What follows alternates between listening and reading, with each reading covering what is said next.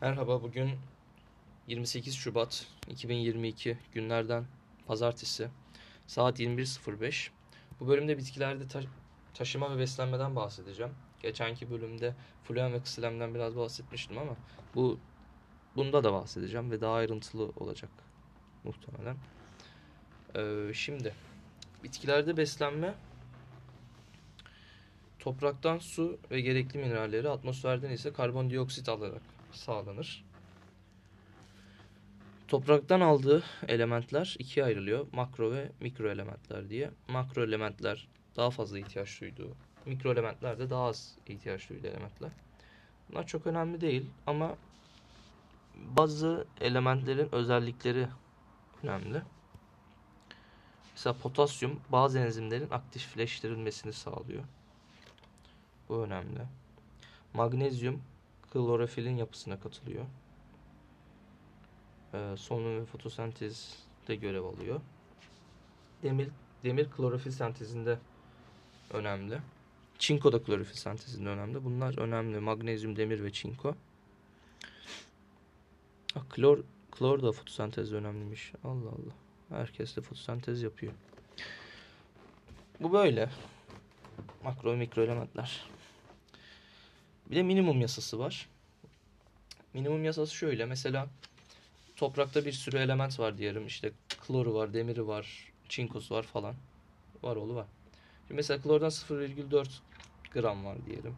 Demirden 1 gram var. Potasyumdan 0,3 var. Kime göre alıyor? Değeri az olana göre alıyor. Yani e, potasyumdan en az sayı en az miktarda olduğu için potasyumu alıyor mesela 0,3. Ama demirden 1 almıyor. Demirden de 0,3 alıyor. Klordan da 0,3 alıyor. Buna minimum yasası deniyor. Yani az olan elementi sınırlayıcı olarak seçiyor.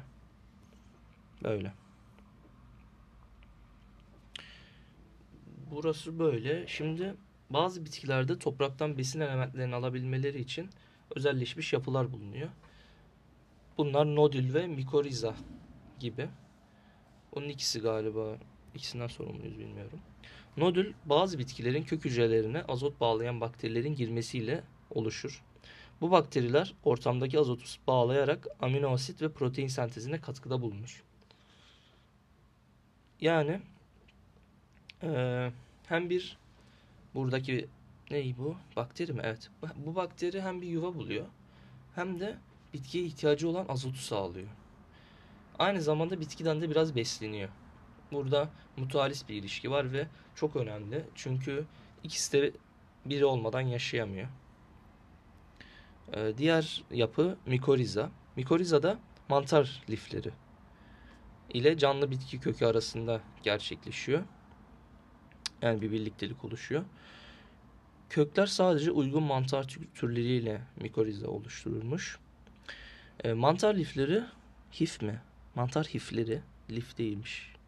Mantar hifleri su ve minerallerin emilmesi için bitkiye geniş bir yüzey sağlarken aynı zamanda bitkinin fotosentez ürünlerinden yararlanır.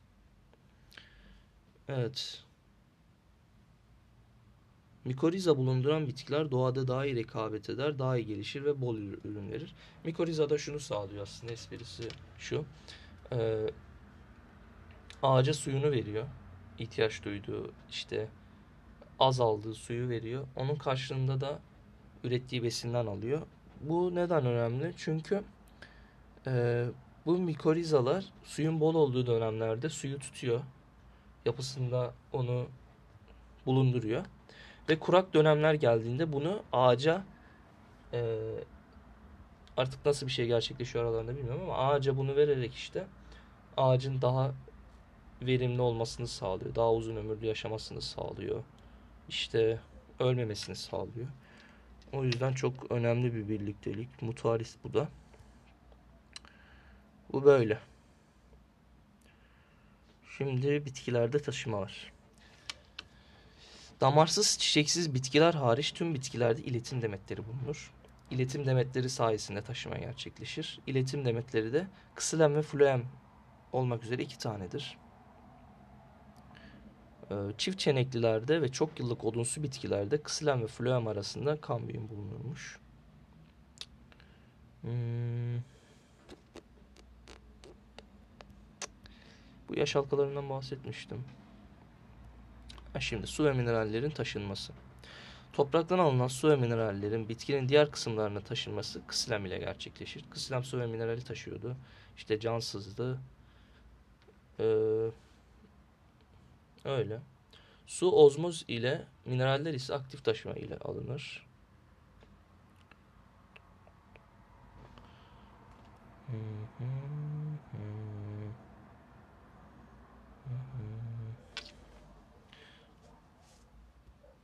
E, suyu alan yerde şey tabii ki de kök. Kök alıyor. Kökten bunu kısilem taşıyor işte gerekli olan yerlere. Kökün de dıştan içe doğru sıralanışı şu şekilde. En dışta epidermis ve emici tüyler var. Onun bir içerisinde yani bir katman ilerisinde korteks, Ondan sonra endodermis. En içeride de merkezi silindir var ve bu merkezi silindir yıldız şeklinde. Ee, kısilem, taşı, kısilemde taşıma tek yönlüdür. Ve su ve minerallerin taşınması olayında 3 tane şey çok önemlidir. Kök basıncı, kılcallık ve terleme çekim teorisi ve kohezyon. Kök basıncı toprak ve kök çözeltisi arasında değişim farkından doğan ozmotik basınç kök basıncını meydana getirir. Kök basıncı topraktan suyun emici tüye ve oradan kısileme iletilmesini sağlayan itici bir kuvvettir. Kılcallık kısilem çeperlerinin su moleküllerinin çekilmesiyle ortaya çıkar. Bu çekim suyun adezyon özelliğinden kaynaklanır.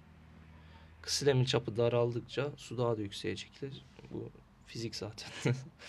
Boru ne kadar darsa o kadar işte su yukarı çıkıyordu onunla alakalı. Bir de terleme çekim teorisi ve kohezyon var. Yapraklarda fotosentez ve terleme sırasında tükü, tüketilen su, yaprak hücrelerin ozmotik basıncının artmasına ve bitkinin üst kısımlarında bir çekim kuvveti doğmasına neden olur. Oluşan bu çekme kuvveti hidrojen bağları ile birbirine bağlı su moleküllerinin kohezyon yani bu olay kohezyon kısilemde kopmayan bir sütun şeklinde ilerlemesini sağlar. Terleme çekim kuvveti ve kohezyon suyun yükseklere taşınmasında en çok etkili olandır. En çok etkili olan terleme çekim teorisi. Ee, sıralaması nasıldı? Ha. Ee, su ve mineralin taşınmasında en etkili olan terleme çekim kuvveti ve kohezyon. Ondan sonra kök basıncı en az etkili olan da kılcallık. Bu sıralama sorulur mu bilmiyorum ama bu böyle.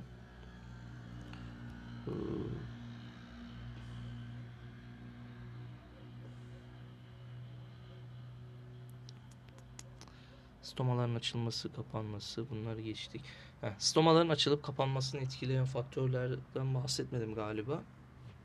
Stomaların açılmasını sağlayan faktörler suyun bol olması, bol ışıklı ortam, iç ortamdaki karbondioksitin az olması, aktif taşıma ile potasyum iyonlarının alınması stomaların açılmasını sağlayan faktörlerden.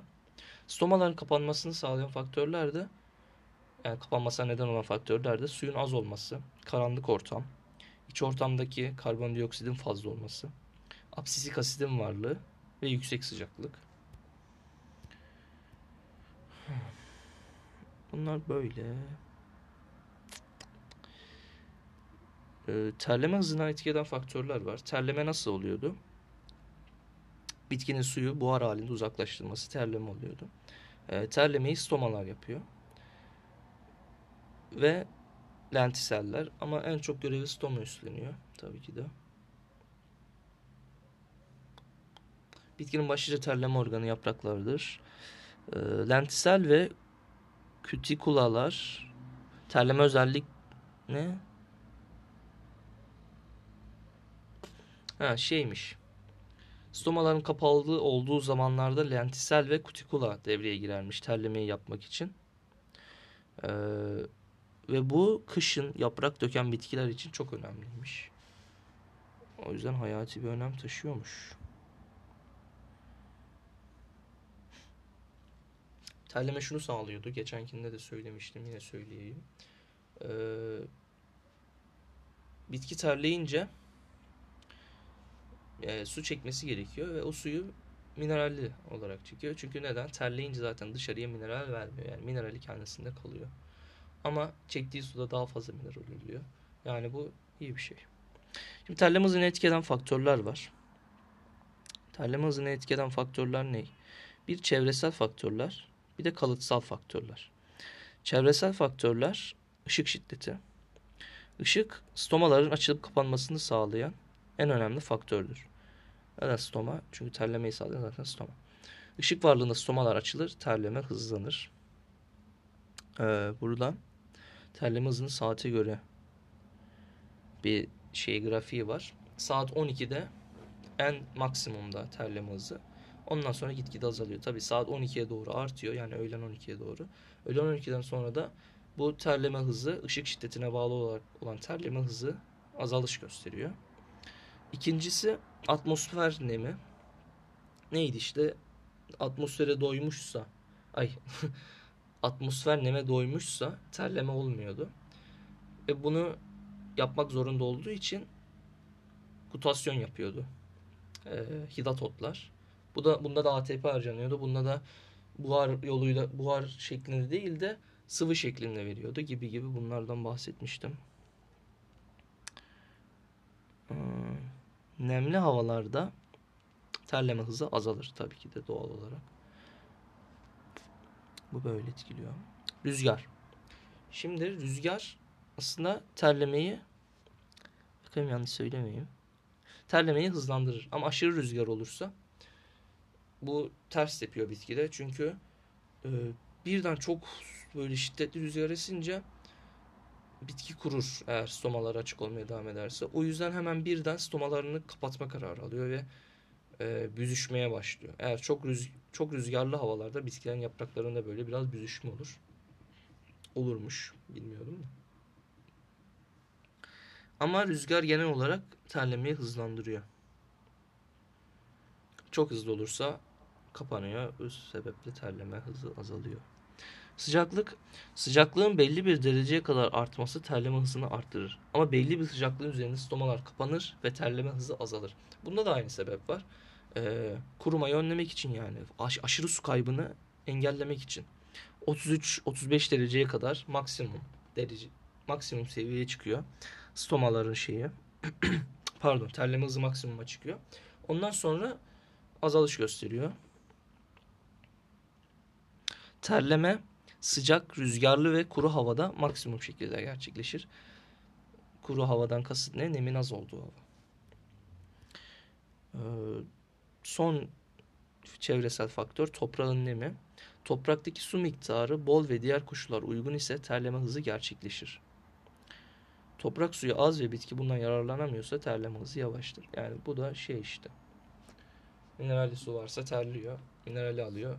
Yoksa da devam ki. Öyle devam ediyor.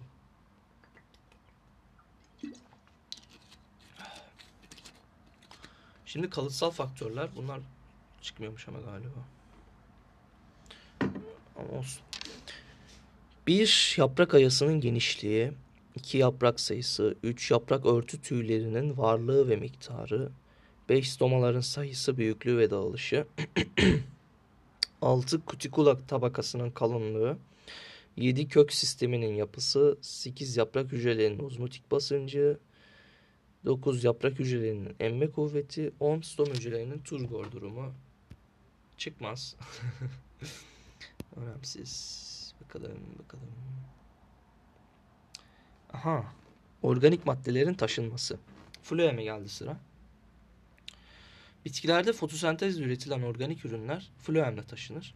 Floemde taşımaya taşımayı kalburlu borular gerçekleştirir. Floemdeki taşıma ksileme göre daha yavaştır. Çünkü şeker taşıyor, glikoz taşıyor. Diğerine ne taşıyor? Su ve mineral. Hafif. Onlar gidiyor, akıyor. Floemde çift yönlü taşıma görülür. Fotosentez sonucu oluşan glikoz, aminoasit gibi organik moleküller yapraktan köke doğru taşınır. Organik moleküllerin floemde taşınmasını basınç akış teorisiyle açıklanır. Şekerin fotosentezle veya nişastanın hidrolizi sonucunda oluştuğu yere kaynak denir. Yani fotosentezin yapıldığı yani şekerin var olduğu yere kaynak deniyor.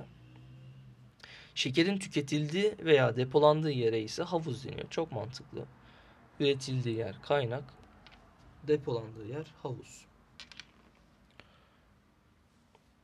Bu şekilde. Şimdi burada şöyle bir şey var. Basınç akış akış teorisine göre kaynak hücrelerinden yaprak hücrelerinden yani floeme glikoz geçer. Floemde glikoz derişimi artar, su derişimi azalır. Floem çevre dokulardan ve kısilemden su alır. Böylece floemde sıvı basıncı artar. Bu basıncın etkisiyle floem öz suyu aşağı doğru hareket eder. Floemden havuz hücreye glikoz aktif olarak taşınır. Bunun sonucunda floemde glikoz derişimi azalır. Su derişimi artar. Floemde bulunan su ozmoz ile kısileme verilerek yukarı doğru taşınır. Yani ben bu kendim anlayacak biçimde kendi tekrar açıklayacağım. Kendi kendime. Ee, şey de üretiliyor. İşte. Yaprakta fotosentezle üretiliyor. Ee, ne? Şeker. Bunu köke götürmesi lazım. Ama götüremez. Neden? Çünkü sıvı yok. Ne yapıyor? Hemen yanındaki kıslemden su alıyor. Su kıslemden floeme su geçiş oluyor. Suyla beraber yani böyle sanki kaygan bir ortam oluşuyormuş gibi düşünülebilir. Suyla beraber aşağı doğru kaymaya başlıyor. Ama yavaş yavaş ağırdan ağırdan. Sonra köke geliyor. Oradaki havuz hücresine bunu bırakıyor. Ee, şekeri bırakıyor. Bu böyle olunca da turgor basıncı artıyor. Yani su su fazla oldu turgor basıncı attı. Ondan sonra suyunu aldığı suyu kısleme geri veriyor ve denge sağlanmış oluyor. Böyle bir döngü var. Hmm. Tamam. Bakıyorum. Bitti mi? Tamam bitmiş. Şimdi şey vardı. E, fotoğraflarda. Hadi bakayım.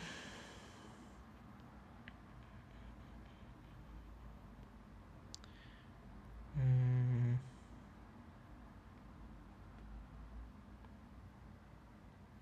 Tamam ya. Bu kadar. Kaç dakika olmuş? 17 dakika. Kafi. Bitkilerde taşıma bitmiş oldu. Dur bir şey atlamayayım.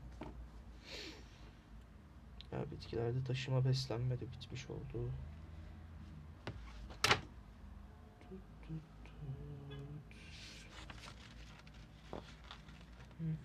Tamam. Bye bye.